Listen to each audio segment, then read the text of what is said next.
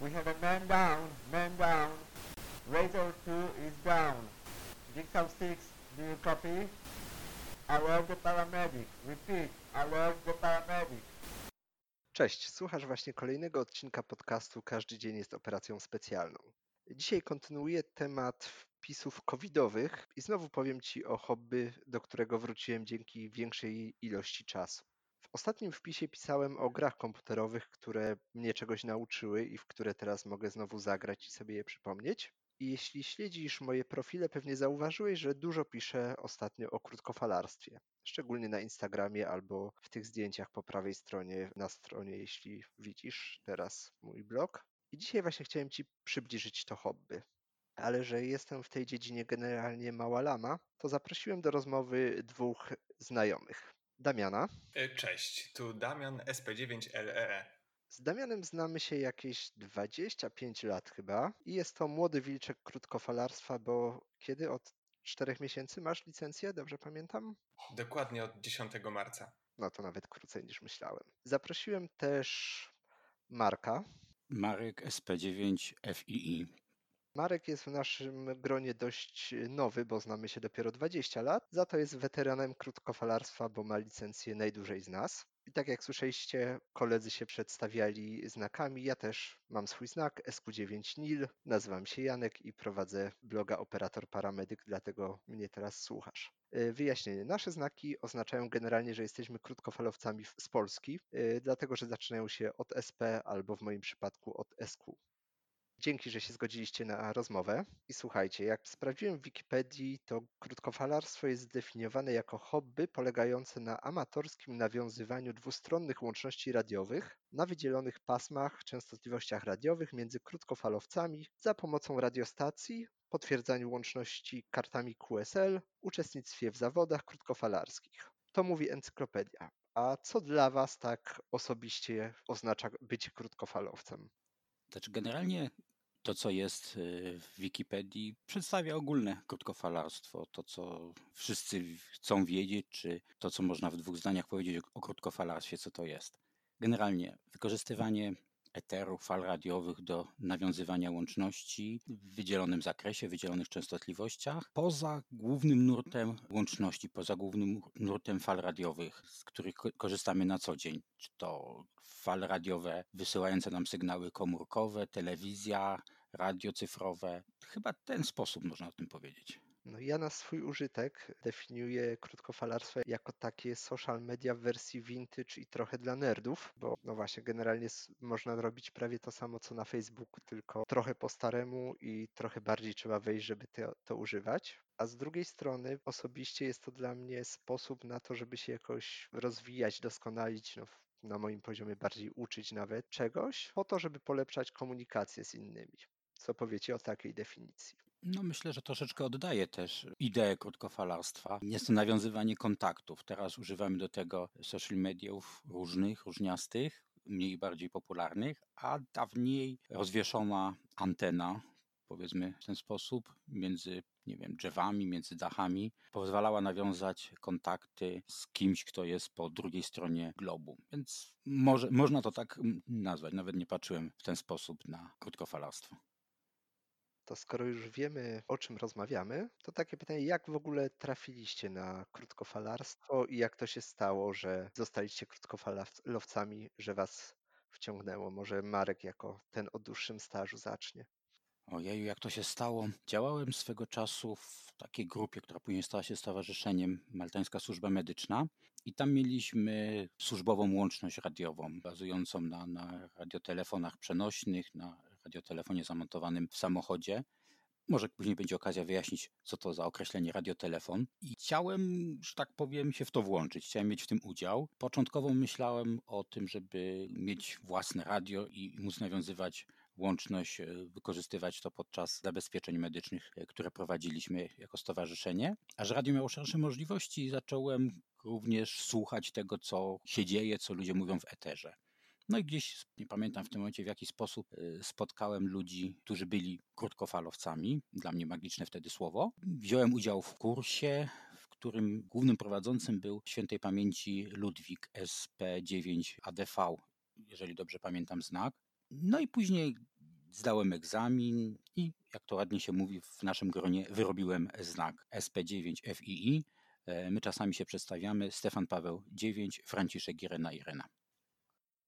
No, moja pierwsza styczność y, z krótkofalarstwem to było gdzieś w czasach, w czasach liceum. Należałem wtedy do harcerstwa, dotąd jestem instruktorem, tylko teraz troszkę, troszkę mniej aktywnym. I dwóch moich znajomych, dotąd są krótkofalowcami, wtedy ich poznałem, byli instruktorami harcerskimi i jakoś mnie wciągnęli. Od początku mnie to interesowało, tematy łączności. Moje ulubione zajęcia, które prowadziłem z dziećmi, z harcerzami młodymi jako instruktor, to były właśnie zajęcia z łączności. Także myślę, że to była moja pierwsza styczność z tym hobby. Tylko wtedy, ja nie wiem, czy tu mogę coś zdradzić, że razem chodziliśmy do klasy, Janku. Mogę to powiedzieć? Możesz, możesz, tu sami swoi. Od ciebie wiedziałem, że egzamin, ten krótkofalarski, jest dość trudny. Przynajmniej dla mnie był wtedy trudny. Mieliśmy chyba 15-16 lat, jeśli dobrze pamiętam.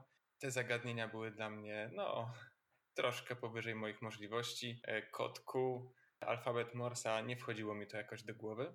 Także zamiast iść w stronę krótkofalarstwa, poszedłem w stronę CB.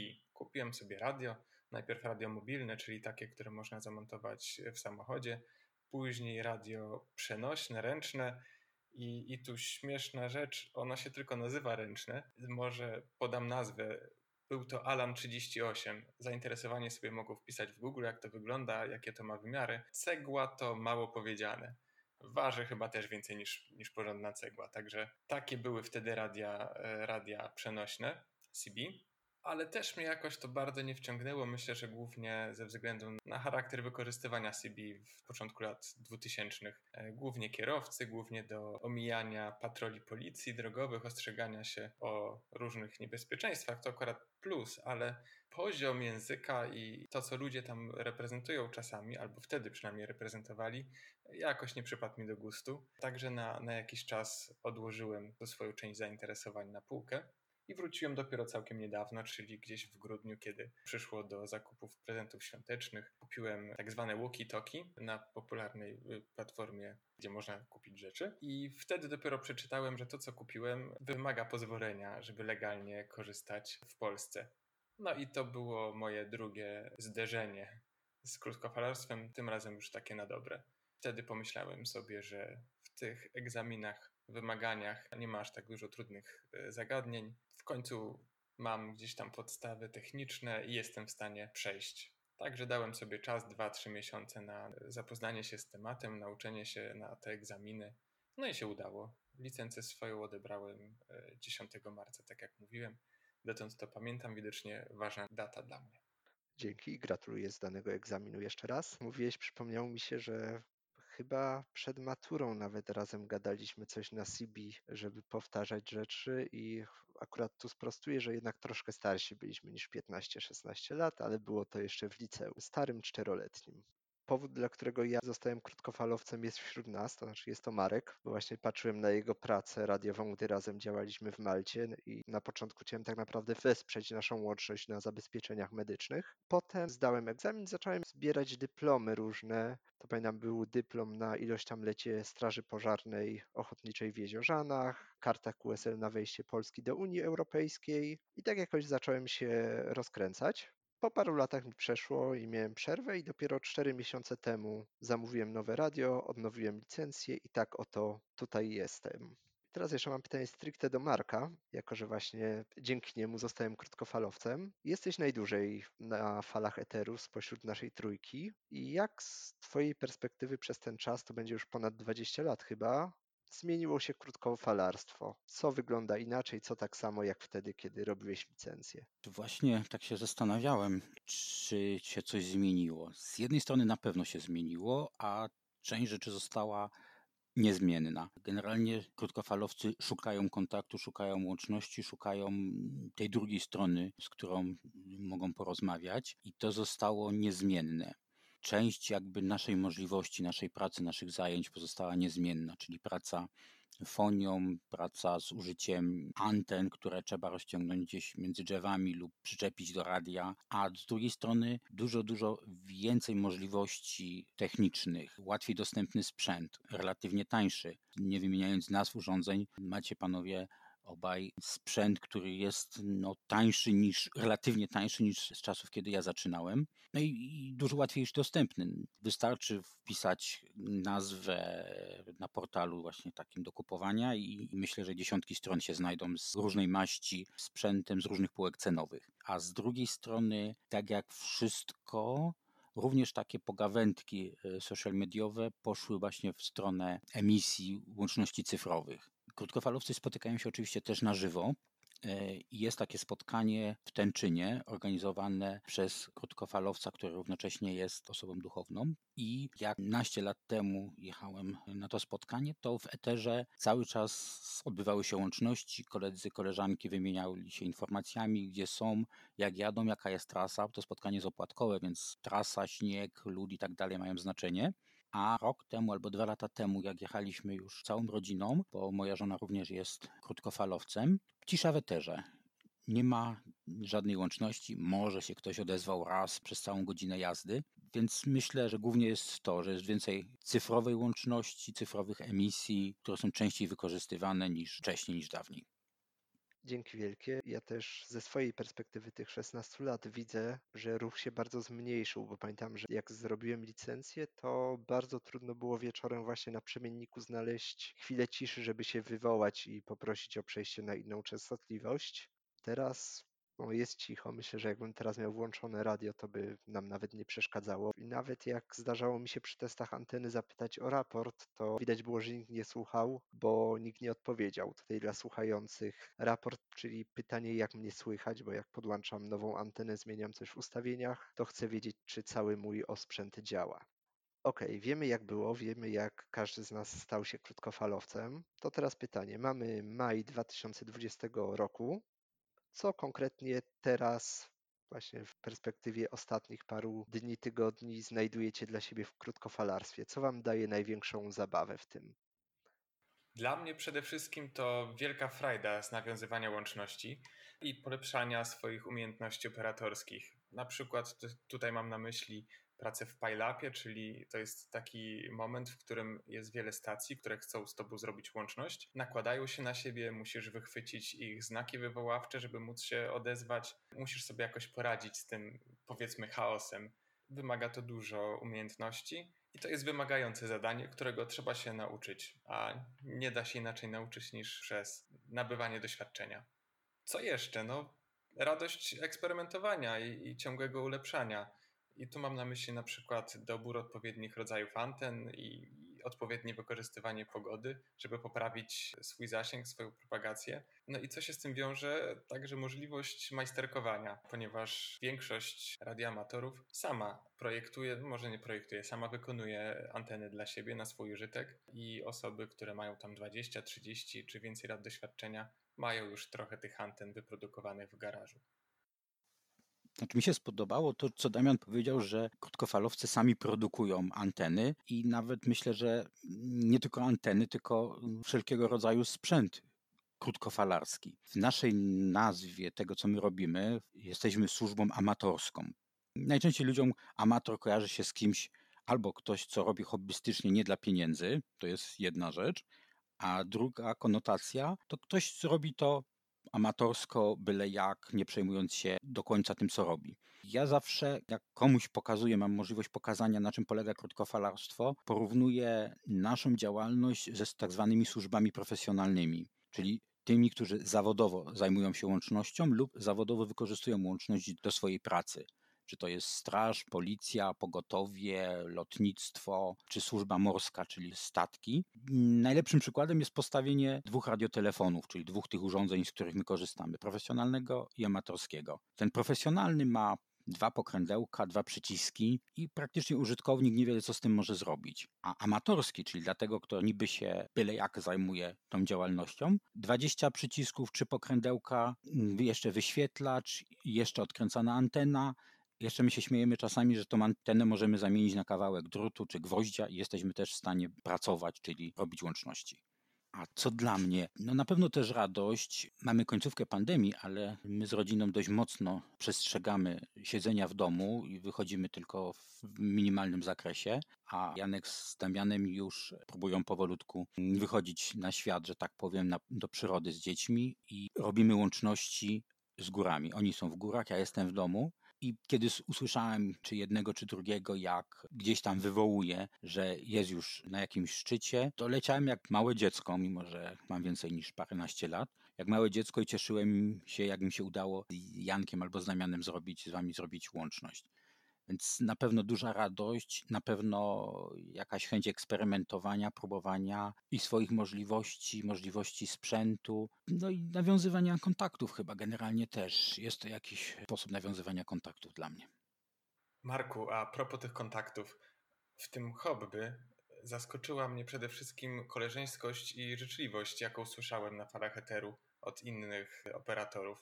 To była taka duża różnica pomiędzy tym, czego wcześniej doświadczyłem podczas korzystania z radia CB i później słysząc jak prowadzę łączność y, radioamatorzy. Poruszyliście bardzo fajną kwestię budowy anten, budowy radia, bo dla mnie krótkofalarstwo to między innymi właśnie możliwość rozwoju i uczenia się nowych rzeczy. Trochę potem o tym jeszcze później powiem, tylko to jest takie no, coachingowe wychodzenie ze strefy komfortu, bo jak wiecie, ja jestem raczej osobą atechniczną. Wy jesteście inżynierami, więc faktycznie łatwo wam może myśleć o budowie sprzętu. Więc właśnie, co z takim popularnym mitem, że każdy krótkofalowiec kiedyś musi zbudować własne radio? Co o tym sądzicie? Czy to jest nadal prawda, czy w momencie, gdy mamy Allegro, AliExpress i możemy kupić za parę dziesiąt, paręset złotych naprawdę super sprzęt, jest to już coś, co się zdezaktualizowało? Dla mnie to stwierdzenie tego samego typu, co to, że każdy mężczyzna musi zasadzić drzewo, zbudować dom i spłodzić syna. To jest na tym samym poziomie dla mnie.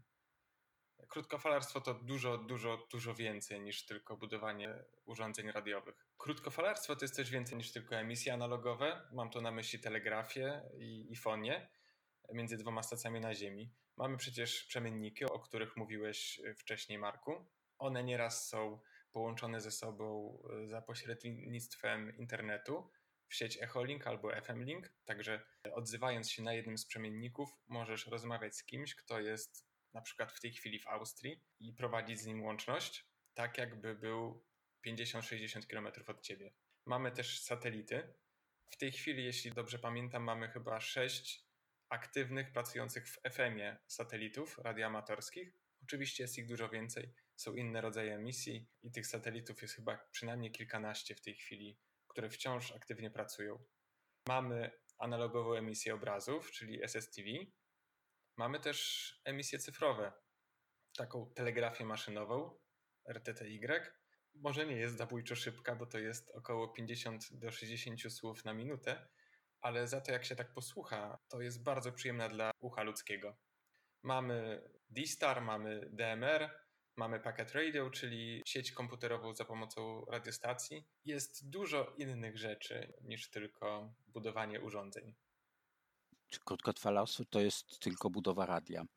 Nie, to nie tylko radio. To nie tylko radio, nie tylko budowa radia, chociaż budowa sprzętu radiowego jest miłym dodatkiem i troszkę nas jako grupę specjalną nazwijmy, która ma pewne uprawnienia, bo my możemy właśnie korzystać w eterze obok lotnictwa, obok policji, obok straży, czyli tych służb, które są bardzo ważne, które zapewniają nam, bez, nam bezpieczeństwo. My jako krótkofalowcy możemy działać, możemy budować sprzęt i możemy w tym, z tym sprzętem pojawiać się w eterze jako jedni, jedni jedyni, można powiedzieć, na świecie.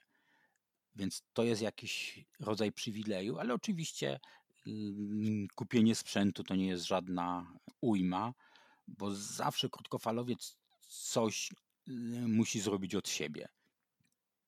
Albo samemu zaprogramować y, przynajmniej sprzęt, albo samemu zmontować antenę, y, wystawić ją gdzieś na balkon czy na dach, albo polutować kabelki i zrobić jakiś interfejs, który łączy radio, radiotelefon z komputerem, więc zawsze gdzieś taka doza ręcznej roboty w krótkofalarstwie mm, jest. Więc według mnie, czy sam zrobisz, czy kupisz, nie ma do końca znaczenia. Ważne jak korzystasz, jak się odzywasz, jak jesteś w eterze, jak jesteś przyjacielski.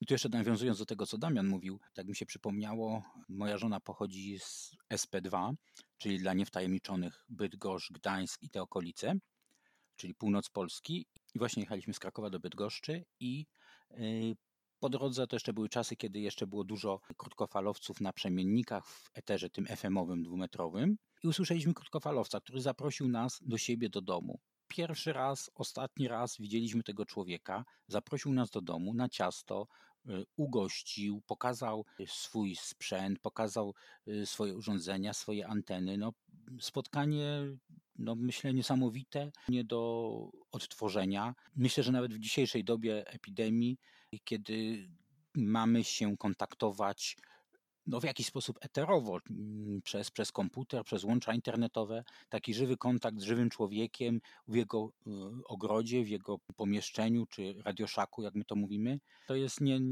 nie do odrobienia, nie do odtworzenia.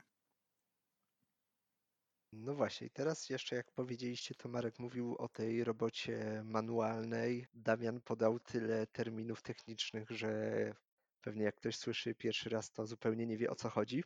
I ci, którzy wiedzą, pewnie by mieli problem z wymienieniem wszystkiego, co powiedziałeś. No i tak jak wspomniałem, wy jesteście inżynierami. Ja jestem osobą atechniczną i jak na naszej grupie rozmawiacie o właśnie budowie anten, pomiarach, to ja tylko mogę pokiwać głową i powiedzieć, no fajnie. I jak widać, Marek jest krótkofalowcem bez przerwy. Ja miałem te parę lat przerwy w pracy na radiu. Czy w ogóle według Was osoba zupełnie atechniczna, która nie zna się na tych wszystkich rzeczach technicznych, może zostać w krótkofalarstwie na dłużej i nadal będzie miała coś fajnego do zrobienia? Wydaje mi się, że tak. Nie ma najmniejszych przeciwwskazań.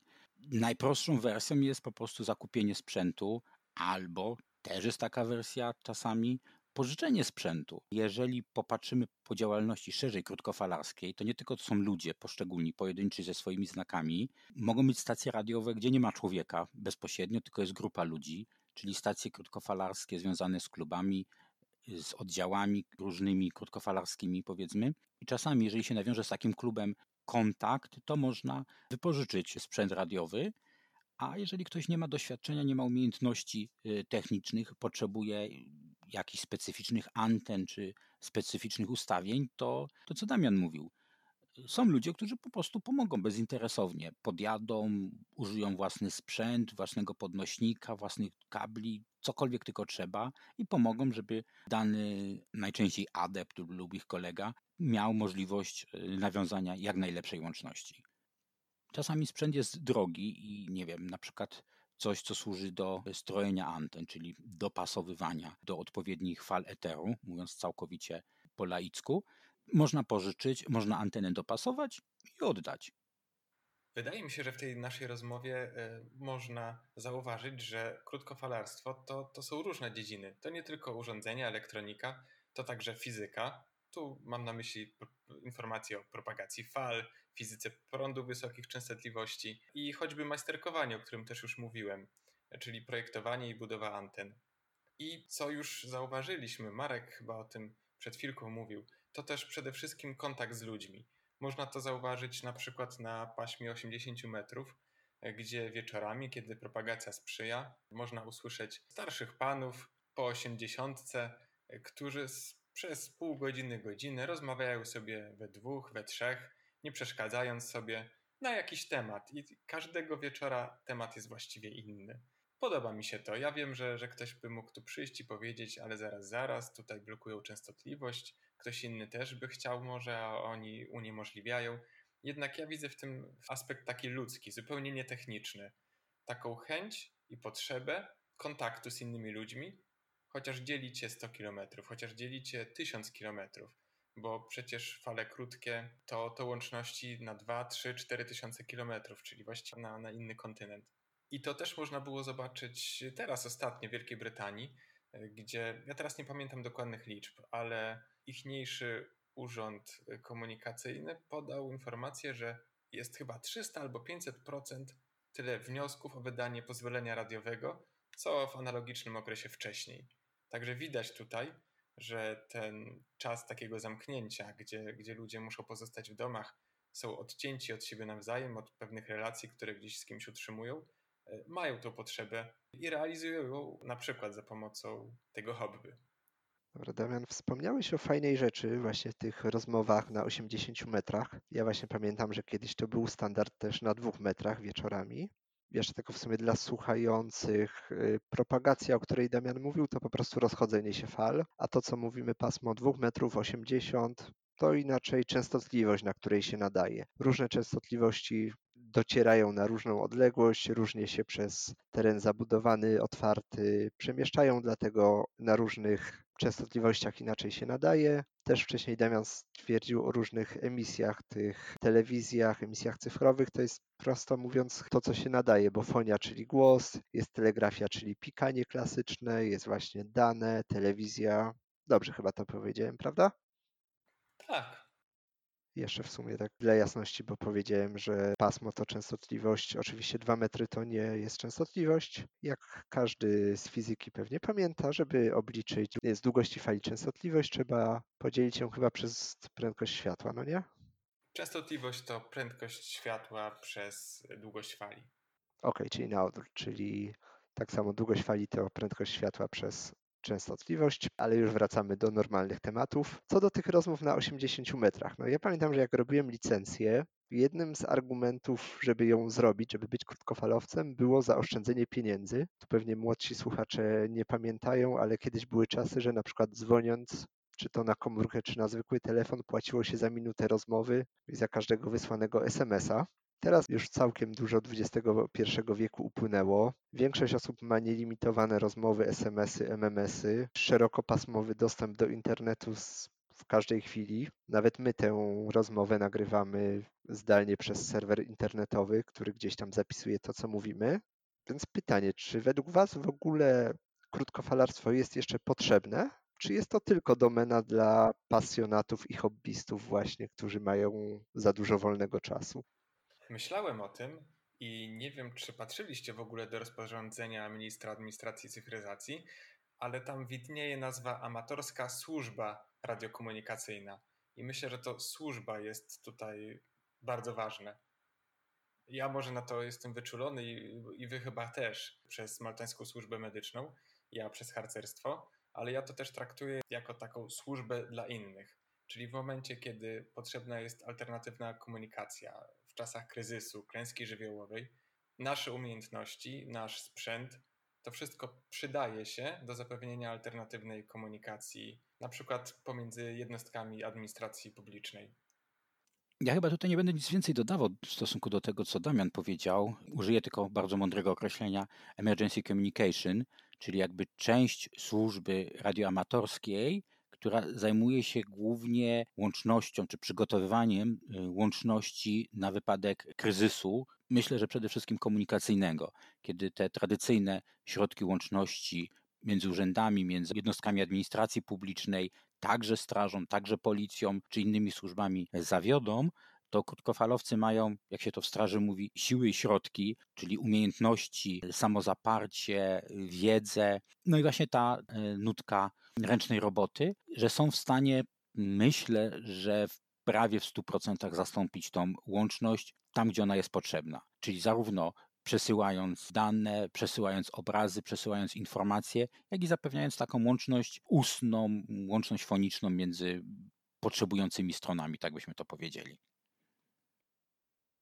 Ja bym tu jeszcze dodał, bo, bo to też nie tylko komunikacja w razie kryzysu czy klęski żywiołowej. To też jest propagowanie nauki i techniki u młodzieży i dzieci. Mamy przecież harcerskie kluby łączności albo młodzieżowe kluby krótkofalarskie. To są takie miejsca, gdzie dzieci mogą przyjść, dotknąć, skorzystać z, z urządzenia, zapytają się, no dzieci mają, mają taką wrodzoną ciekawość do świata, mogą się zapytać, a jak to działa, jak to jest, że mogę rozmawiać z kimś na, na taką odległość.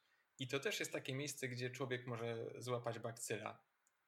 No zgadza się, zgadza się. Jeszcze tak mi się przypomniało, łączność nie tylko kryzysowa. W czasie ostatniej wizyty papieża w Polsce, Światowych Dni Młodzieży w, Krakowie, myślę, że w innych miastach również, krótkofalowcy wspomagali łączność mimo że tego kryzysu nie było, prawda, ale było dużo ludzi i jakby nasza łączność krótkofalarska na terenie Krakowa działała równolegle z tą profesjonalną służbą, czy pogotowia, czy straży, już nie pamiętam w tym momencie. Jeszcze jest jedna ciekawa sprawa. Kontakt młodzieży z Międzynarodową Stacją Kosmiczną. Jest taka akcja, że młodzież z różnych szkół we współpracy z krótkofalowcami ma możliwość porozmawiania bezpośrednio z astronautami, którzy są przestrzeni kosmicznej, na stacji kosmicznej. No, jakiegokolwiek sprzętu by nie użyć, jakiegokolwiek medium, social medium by nie użyć, jakiegokolwiek telefonu by nie użyć, nie ma takiej możliwości. To tylko krótkofalowcy. Krótkofalowcy bawią się na przykład odbijaniem fal od księżyca. Możecie sobie wyobrazić, że wysyła się fale na Księżyc, one się tam odbijają jak od lustra i lądują po drugiej stronie Ziemi. I teraz sztuka. Zarówno delikwent, który wysyła te fale, musi mieć wiedzę, umiejętności, samozaparcie, jak i ten delikwent, który odbiera takie fale, taką łączność. No, tylko to wymaga bardzo, bardzo dużo umiejętności, wprawy i dobrego sprzętu. Czyli tak z tego, co mówicie, to w dużej mierze jednak jest to hobby, pasja, zainteresowanie, rozrywka, tylko z jakimś jeszcze też aspektem praktycznym, dodatkowym. Dobrze rozumiem?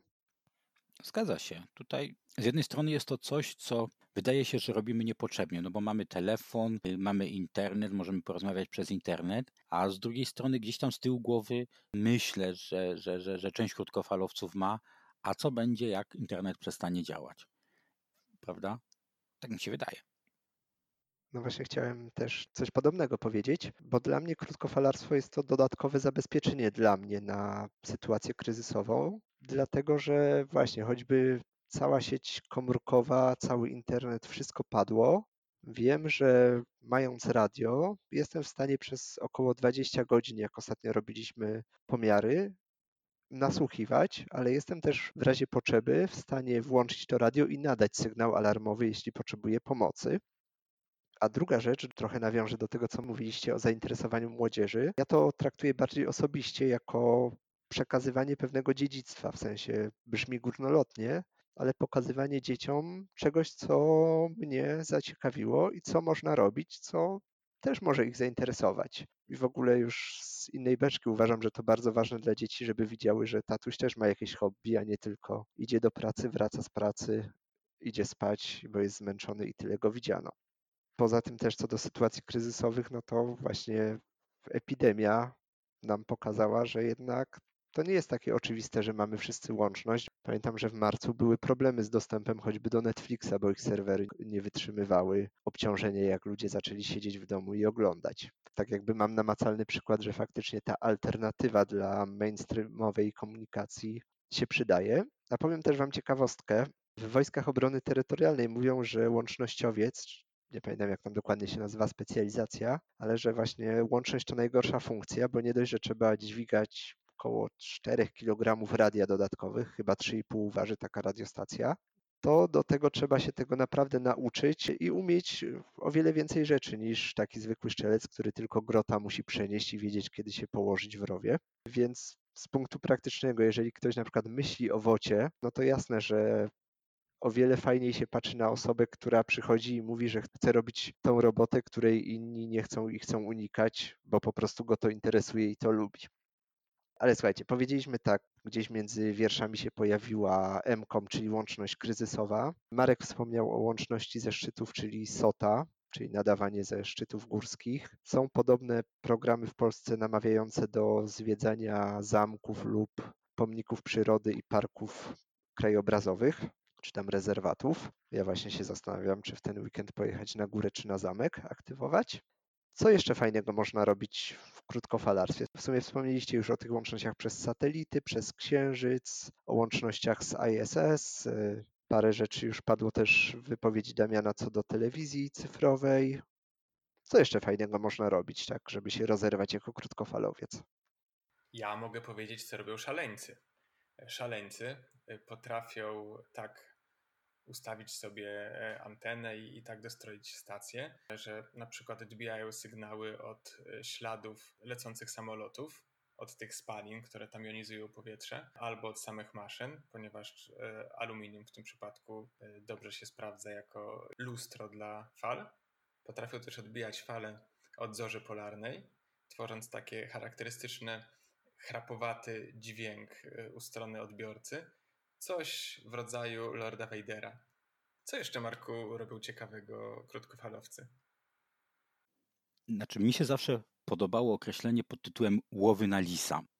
No tak, Damian, już tutaj mówiłeś o Wielkiej Brytanii. Tam swego czasu były modne łowy na lisa. Myśliwi na koniach gonią biedne zwierzęta. Już jak widzę ekologów, którzy krzywo na nas patrzą. No my jako krótkofalowcy robimy to troszkę innymi metodami. Po pierwsze, nie bierzemy żywego lisa, nie siadamy na koń i nie, nie gonimy tego biednego zwierzęcia, tylko umieszczamy w tajnym, ukrytym miejscu, gdzieś na drzewie, za skałą, w krzakach, mały nadajnik, który sobie nadaje odpowiedni sygnał, a krótkofalowcy biorą specjalny radiotelefon ze specjalną anteną, która odbiera sygnał z jednego kierunku i szukają tych nadajników. Tych nadajników w terenie jest umieszczone kilka lub kilkanaście i zabawa polega na tym, żeby je znaleźć, oznaczyć czy odbić pieczątkę, która jest tam ukryta w, koło tego nadajnika, czyli jakby potwierdzić swoją obecność, potwierdzić znalezienie tego nadajnika i zrobić to oczywiście jak w najkrótszym czasie.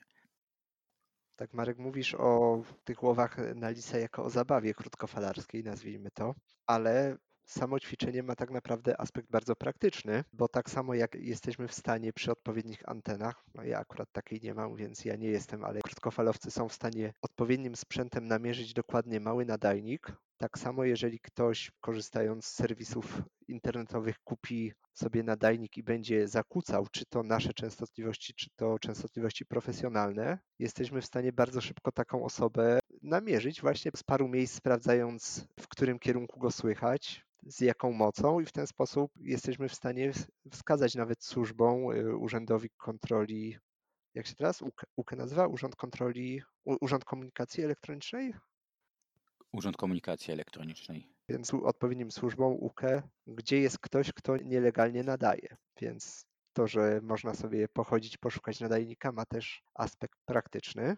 Tak jak wspomniałem, da się nadawać nielegalnie, ale ktoś, kto odsłucha naszej rozmowy, może stwierdzić, że to krótkofalarstwo może być ciekawe, zainteresować się tematem, chciałby dołączyć do naszego grona. Z punktu widzenia prawnego musi zdać egzamin na krótkofalowca i wtedy ubiegać się o licencję, o wydanie znaku. A jakie macie praktyczne porady, jakieś wasze najlepsze praktyki, jakie pierwsze kroki powinna taka osoba zrobić, żeby zostać krótkofalowcem? Może Damian, bo jest najświeższy w temacie.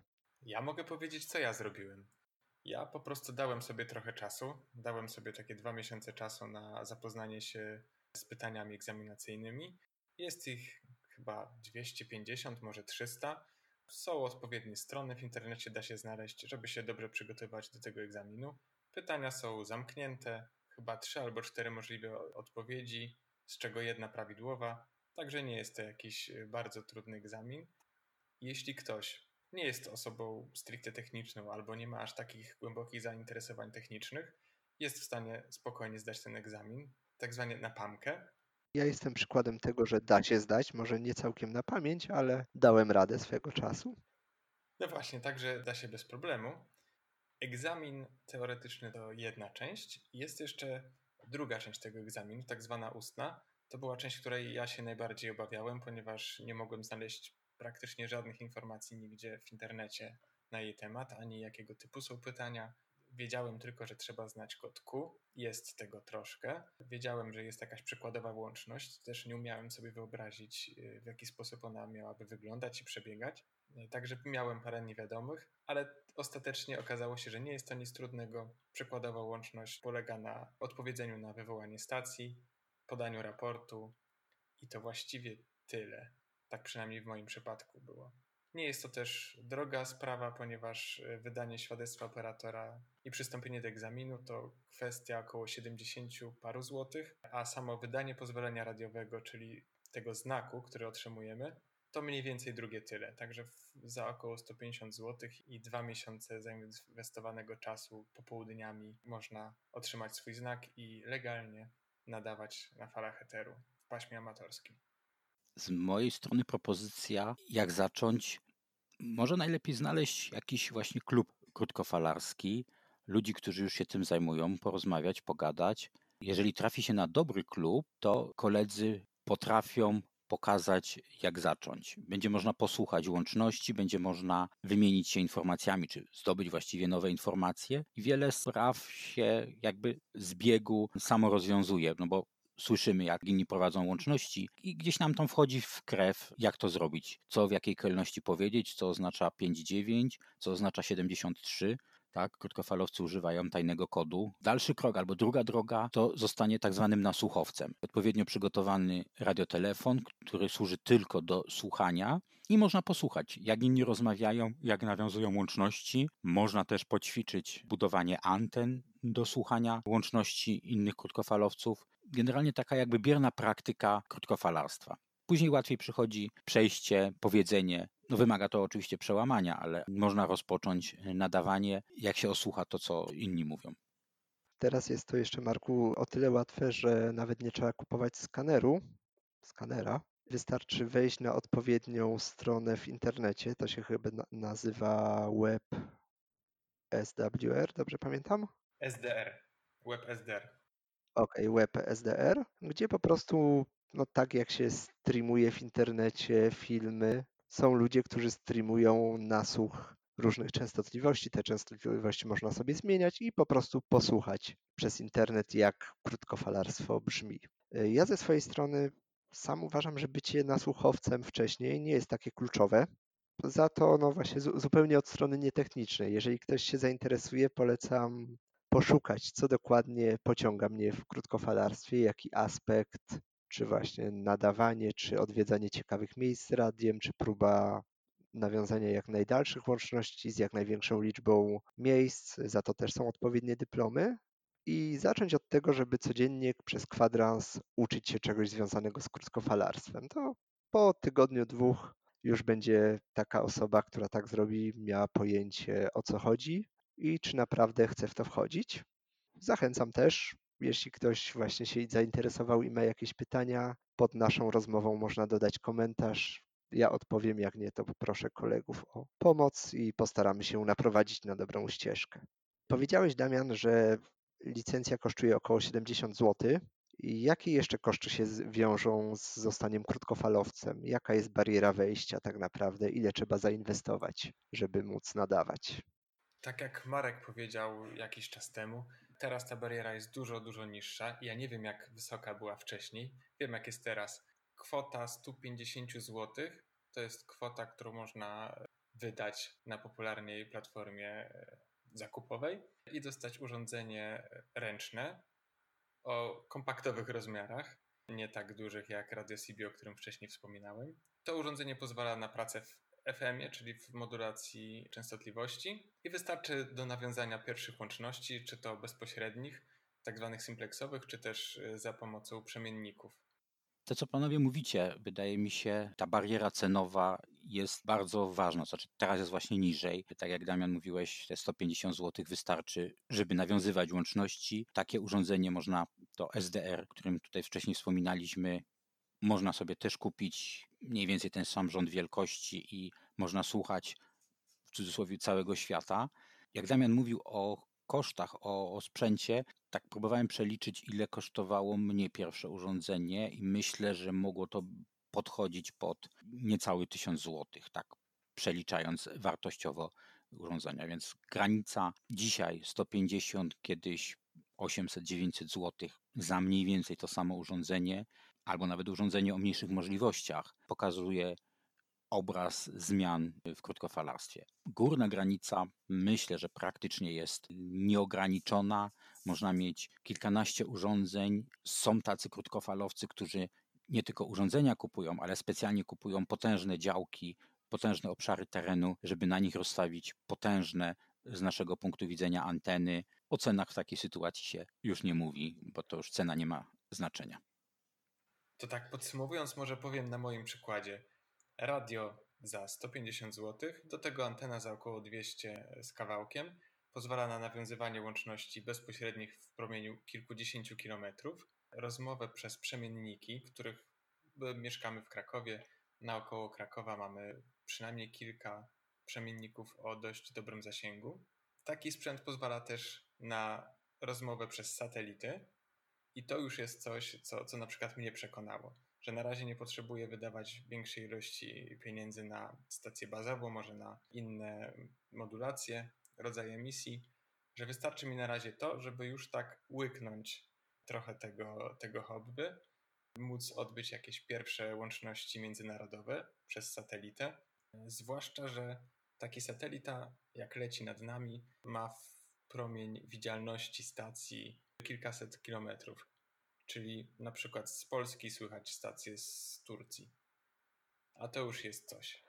No, ja też mam porównanie. Nie pamiętam co prawda za ile kupiłem swoją pierwszą radiostację, ale na pewno było to ładnych paręset złotych. Zwykła jednopasmowa ręczna radiostacja. Teraz jak wracałem do nadawania, to za radio przenośne pozwalające nadawać na dwóch pasmach plus trochę lepszą antenę do niego dałem te 200 zł mniej więcej. Potem dokupiłem antenę taką do zamontowania na balkonie za kolejne jakieś 200 zł. Teraz, jak wiecie, myślę o antenie kierunkowej, ale też wiem, że ta bariera cenowa bardzo się obniżyła. I Marek poruszył bardzo fajny temat, który po mnie też już widać. Nie wiem, czy kojarzycie, ale w środowisku ASG kiedyś krążył kawał, że żona mówi do męża: Tylko spójrz na siebie. Posprzątałeś balkon, wyniosłeś śmieci, zaproponowałeś, że na weekend pojedziemy do mojej mamusi, a teraz sam zacząłeś zmywać naczynia. Ile razy mam ci powtarzać, że nie kupisz sobie nowego karabinu? I mam wrażenie, że podobnie można by było o krótkofalowcach powiedzieć. E, więc pytanie, czy krótkofalowiec musi być gadżeciarzem?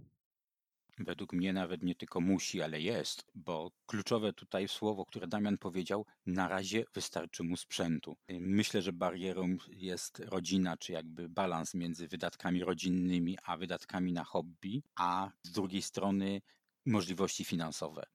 Parę lat temu, paręnaście lat temu, powiedzmy mniej więcej, no niecałe naście, wystarczyło nam jedno radio, jednopasmowe i praktycznie jedna czy dwie anteny do tego. A teraz każdy z Was już ma po dwie, jak nie trzy anteny. No wy macie na razie po jednym radiotelefonie, ja już mam trochę więcej, no bo więcej lat to zbieram. Z czasem mamy coraz większe potrzeby zaczniecie więcej podróżować, tak wam, znaczy życzę wam dobrze, zacznijmy więcej podróżować, ale poczujecie potrzebę, przynajmniej na razie, anteny jakiejś dachowej, magnetycznej do samochodu, za jakiś czas dojdziecie do wniosku, że radio, które ma 8 czy 5 watów, to jest troszkę za słabo, żeby porozmawiać z innymi stacjami i to tak powolutku, małymi kroczkami, za zgodą oczywiście żony, liczba naszego sprzętu się rozwija. Jeżeli nas to powoli wciąga, to również nas wciągają wydatki. Także moim zdaniem generalnie krótkofalowcy są gadżeciarzami bo ktoś ma lepszą antenę, więc ja będę się starał również lepszą antenę zrobić albo kupić, to zależnie od umiejętności, zasobności portfela i tak to idzie po kolei. Myślę, Marku, że wyczerpałeś temat. Krótkofalowiec faktycznie raczej jest gadżeciarzem, a mnie w tym, żeby nim nie być, pomaga po prostu żona, która w idealny sposób pomaga optymalizować koszty przez celne zadawanie pytań. Sama jest osobą techniczną, także wie o co zapytać. Wiecie co, to ja wam powiem, że nawet to, że moja żona nie tylko, że jest osobą techniczną, to jest również krótkofalowcem, o czym już wspominałem gdzieś tam na początku. Również, jak to ładnie Damian ująłeś, optymalizuje nasze wydatki krótkofalarskie. Bardzo mi się to określenie podoba, optymalizacja wydatków. To tak jak y, kiedyś Lica, ten z Lux Torpedy, mówił chyba w rekolekcjach Wilki 2, że właśnie Bóg do męża przemawia przez żonę i na przykład dla niego to jest nie, nie potrzebujesz trzeciej gitary, nawet jak jest fajna. Dokładnie. A druga rzecz, którą Marku poruszyłeś, to, że ludzie kupują działki po to, żeby ładnie nadawać, żeby mieć lepsze parametry. Jak krótkofalarstwo wpływa na wasze życie? Czy jest wartością, którą jakoś się istotnie kierujecie na co dzień? No właśnie na przykład, nie wiem, macie chcecie kupić nieruchomość i za tą samą cenę możecie kupić 150-metrowy apartament w centrum Krakowa na pierwszym miejscu w gęstej zabudowie, gdzie administracja nie pozwala wystawić anteny na dach, albo 40-metrową e, bacówkę gdzieś na odludziu, ale za to na wzgórzu i gdzie można rozwieść antenę jaką tylko chcecie. Czy krótkofalarstwo może tutaj przeważyć nad wyborem, czy raczej jest to coś, co robicie, ale nie byłoby wam żal, gdybyście przestali? Znam przykład zakupu nieruchomości którym łatwość dostępu do dachu faktycznie przeważyła. Myślę, że za równowartość apartamentu 150-metrowego w centrum miasta to kupilibyśmy więcej niż bacówkę, więc jak miałbym do wydania kasę na apartament, to wybrałbym za tą samą cenę dom na wsi, a łączność krótkofalarska czy możliwość rozstawienia anten byłoby miłym dodatkiem, miłym bonusem. Myślę, że za różnicę w cenie postawiłbyś maszt antenowy. Całkiem możliwe. Zwłaszcza, że krótkofalowcy zajęliby się tym sami, no może powiedzmy w dużym zakresie. Znam takiego krótkofalowca, który kupił stary maszt, stary słup telefoniczny chyba to był dokładnie. Zainwestował troszkę pieniążków, nie aż, nie aż tak dużo i na swojej działce postawił właśnie taki maszt z wysoko umieszczonymi antenami. Dobra, czuję, że trochę wyminęliście osobistą odpowiedź na to pytanie. Tak. Zdecydowanie chyba tak. Więc przejdę też do następnego tematu. Właśnie, jak wasze rodziny patrzą na to wasze hobby? Tutaj markujesz, może ty zaczniesz, bo jak też już wspomniałeś, twoja żona też jest krótkofalowczynią, krótkofalowcem, krótkofalówką raczej nie, ale no po prostu ty zacznij. No problem jest taki, że właśnie kobiety, krótkofalowcy nie mają swojego odpowiednika. To jest trochę jak z panią minister albo z panią kierownik, a nie z panią kierownicą. Moja żona poznała mnie już jak miałem pozwolenie radiowe, jak już miałem swój znak i było czasami tak, że chciała się coś odezwać, kiedy ja robiłem łączności, a z natury rzeczy nie mogła, no bo byłoby to niezgodne z prawem. No i zachciała sama mieć możliwość powiedzenia, czy odezwania się, czy nawiązania łączności i w Bydgoszczy też znalazła krótkofalarski SP2 ZCI i tam nauczyła się powiedzmy krótkofalarstwa. Z pomocą kolegów zdała egzamin, przygotowała się do egzaminu, zdała egzamin, no i została e, krótkofalowcem. Zresztą w ogóle kobiety krótkofalowcy są rzadkością, więc mam zaszczyt mieć za żonę krótkofalowca. Jak wpływa dalej? Niestety jeszcze za bardzo nam się to nie udało, ale kilka razy próbowaliśmy nadawać ze szczytów, niestety z mizernym skutkiem, nie wiem dlaczego. Zdarzało nam się wyjeżdżać czy planować nasze wyjazdy pod względem krótkofalarskim, czy na spotkania opłatkowe w Tęczynie, czy były też takie spotkania chyba w Wierzmanowicach, jeżeli ja dobrze pamiętam, początkiem maja, więc czasami bywa, że nasze życie jest podporządkowane łącznościom radiowym. Czy powiedzmy w weekendy, kiedy są duże aktywności SOTA, słyszę kogoś, kto nadaje i rzucam wszystko, przerywam posiłek i lecę na balkon, bo nie mam anten na dachu, więc lecę na balkon i próbuję nawiązać łączność. Damian, u Ciebie jak to wygląda? Tak jeszcze dodam jako ciekawostkę, że zdawałem egzamin krótkofalarski właśnie z żoną Marka. Na pewno teraz nie trzeba mnie namawiać, żebym poszedł w góry. O tym temacie już rozmawialiśmy wcześniej. Chodzi o aktywację w ramach programu SOTA, czyli łączności ze szczytów. Ale każdy kij ma dwa końce. E, jak się przygotowywałem do, do egzaminu i później na początku, w marcu, kwietniu, kiedy jeszcze nie wychodziłem, nie, nie można było wychodzić z domu, i, i jedyne łączności, które mogłem zrobić, to takie, gdzie ktoś w miarę bliska się odzywa i ja wtedy mogę odpowiedzieć. Mogło to być uciążliwe dla domowników, ponieważ radio miałem włączone praktycznie cały dzień na nasłuchu i jeśli tylko ktoś się gdzieś odzywał na którymś z przemienników albo na częstotliwości, na której rozmawiają stacje bezpośrednio, rzucałem wszystko, tak jak Marek powiedział, dokładnie w ten sam sposób, biegłem do radia i starałem się zrobić łączność. No a ja powiem, że u mnie no tak naprawdę to dzięki, że nie zacząłem SOTA robić, bo jest to pretekst, żeby gdzieś wyjść. Też to, co powiedziałem, że krótkofalarstwo jest dla mnie jakimś przekazaniem dziedzictwa, to dzieci generalnie są też zainteresowane tym, co robią. Na razie mają swoje PMR-y, bo nie mogą być legalnymi nasłuchowcami ani krótkofalowcami, więc mają swoje PMR-y, których każdy może nadawać i czasami ćwiczymy sobie łączności i patrzymy, jak to działa. Czasami coś mogę opowiedzieć, pokazać moje radio, i jakoś się to kręci. Zobaczymy za parę lat, czy będę miał towarzyszy sotowskich, czy będziemy walczyć ze sobą na jednym szczycie o to, kto więcej łączności zrobi. Kto wie, czy u mnie też nie rośnie kolejna operator krótkofalarska.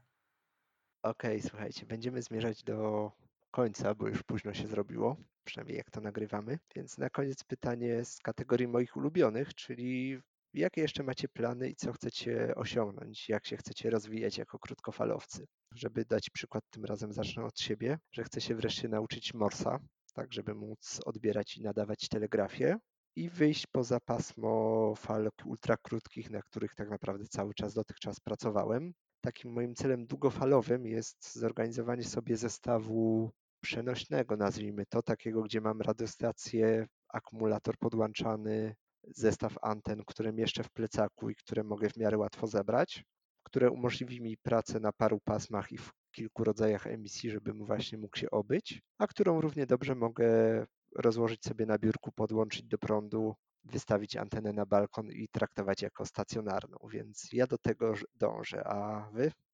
Mnie bardzo zawsze interesowały łączności cyfrowe. Znaczy interesowały, ale nie miałem możliwości ani, ani sprzętu, więc, więc myślę, że to by było dla mnie ciekawe i w tą stronę bym chciał troszeczkę pójść. No, takim małym początkiem to jest e, kupiony jakiś czas temu specjalny nadajnik dla APRS-a, czyli jakby coś powiązane z lokalizacją i z krótkofalarstwem, nie wdając się w szczegóły. I druga sprawa to właśnie troszeczkę strona MCOMA, czyli łączności kryzysowej, czyli też sprzęt, który można zapakować, czy zapakowany w jakąś skrzynię, w jakieś, jakieś pudło, które po prostu się bierze w teren i tam można rozstawić stację mobilną, przewoźną, niezależną od internetu, niezależną od stałego zasilania, czyli na akumulatorach. Myślę, że to są te dwa kierunki, w których bym chciał pójść. Pod warunkiem oczywiście, jak znajdę na to czas, bo niestety inne obowiązki mnie cały czas od tego odciągają. A ja? Ja dopiero zacząłem. Cały czas się uczę. Na razie skupiłem się na falach ultra krótkich, czyli 144 MHz i 430 w modulacji FM. Dzięki temu mogę na przykład aktywować szczyty w programie SOTA, mając wielu korespondentów tutaj na południu Polski. Mogę też e, aktywować zamki w ramach programu Zamki SP czy też robić spontaniczne łączności przez przemienniki i przez satelity, co mnie ostatnio bardzo interesuje. Potem, potem myślę, że, że przeszedłbym na modulację SSB, dzięki której, po oczywiście kupieniu odpowiedniego sprzętu, wracamy tutaj do, do pytania o gadżeciarstwo. Po kupieniu odpowiedniego sprzętu będę mógł robić łączności dalekie, tak zwane DX-y, czyli w przypadku fal ultrakrótkich to jest powyżej 300 km, ale w przypadku fal krótkich, czyli w tą stronę, którą ty, Jaśku, byś chciał iść. No, ja to tak na granicy tak naprawdę UKF-u i KF-u, bo nie wiem, czy mi się uda wejść na takie prawdziwe krótkie. Także w przypadku fal krótkich to już mowa o odległościach w tysiącach kilometrów. Także to jest coś, w co w przyszłości pewno chciałbym iść. A później e, myślę, że emisje cyfrowe, tak jak Marek mówił, i, i może powrót do korzeni, czyli telegrafia może wreszcie tego Morsa bym się nauczył. Okej, okay, słuchajcie, dzięki Wam wielkie za Wasz czas, za rozmowę. Nie wiem, czy chcecie na koniec coś dodać, jakieś ostatnie słowa? Ja myślę, że nie, że bardziej jak będzie zainteresowanie i, i będą chętni do słuchania tego, o czym mówimy, to możemy w przyszłości pogłębiać się w kolejne tematy, czy bardziej szczegółowo powiedzieć o niektórych rodzajach działalności krótkofalarskiej. Może też właśnie bardziej pod kątem troszeczkę duchowości. Wprawdzie generalnie jest powiedziane, że krótkofalowcy nie mówią o polityce, o poglądach religijnych, ale jeżeli jesteśmy katolikami, to przez naszą działalność wiara i e, odniesienie do Boga gdzieś y, się przebija. Tutaj przypominam sobie od razu o, o naszym przemienniku na Koskowej Górze.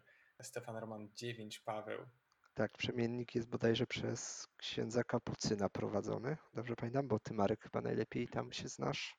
Tak, tak, tak. Jednym z twórców tego przemiennika jest ojciec Tadeusz, SP9XWY, jeżeli ja dobrze pamiętam. I przemiennik przedstawia się zawołaniem franciszkańskim pokój i dobro. O, jeszcze mi przypomniałeś teraz tak naprawdę, że okłamałem w jednym z pierwszych pytań, bo pierwszy raz spotkałem się z krótkofalarstwem na kursie przygotowującym do bierzmowania, kiedy to pisałem o swoim patronie wybranym, czyli Maksymilianie Kolbe, który SP8RN, dobrze pamiętam, znak miał? SP3RN. SP3RN, ok, dzięki za poprawkę. Okręg mi się pomylił. No i właśnie jak przygotowałem sylwetkę, to przeczytałem. Jeszcze nie miałem pojęcia, co to jest krótkofalarstwo, ale wtedy się pierwszy raz z tym faktycznie spotkałem. Dobra, jeszcze raz dzięki Wam za czas. Dziękuję słuchaczom Dziękuję Ci, że tego posłuchałeś naszej rozmowy. Mam nadzieję, że podobało Ci się i możesz ocenić, czy Cię kręci krótkofalarstwo. Jeżeli tak, jeżeli masz jakieś pytania, zapraszam do zadawania ich w komentarzach. do skorzystania z formularza kontaktowego na moim blogu, gdzie możesz napisać bezpośrednio do mnie. I do usłyszenia w kolejnym odcinku mojego podcastu, przy kolejnym wpisie, albo do usłyszenia gdzieś na falach eteru. Cześć. Dziękuję. 73. 73. Rozmawiały stacje Stefan Paweł 9, Franciszek Irena Irena, Stefan Kłebek 9, Natalia Irena Ludwik i SP 9 Ludwik Ewa Ewa. Pozdrawiam, do usłyszenia. Cześć.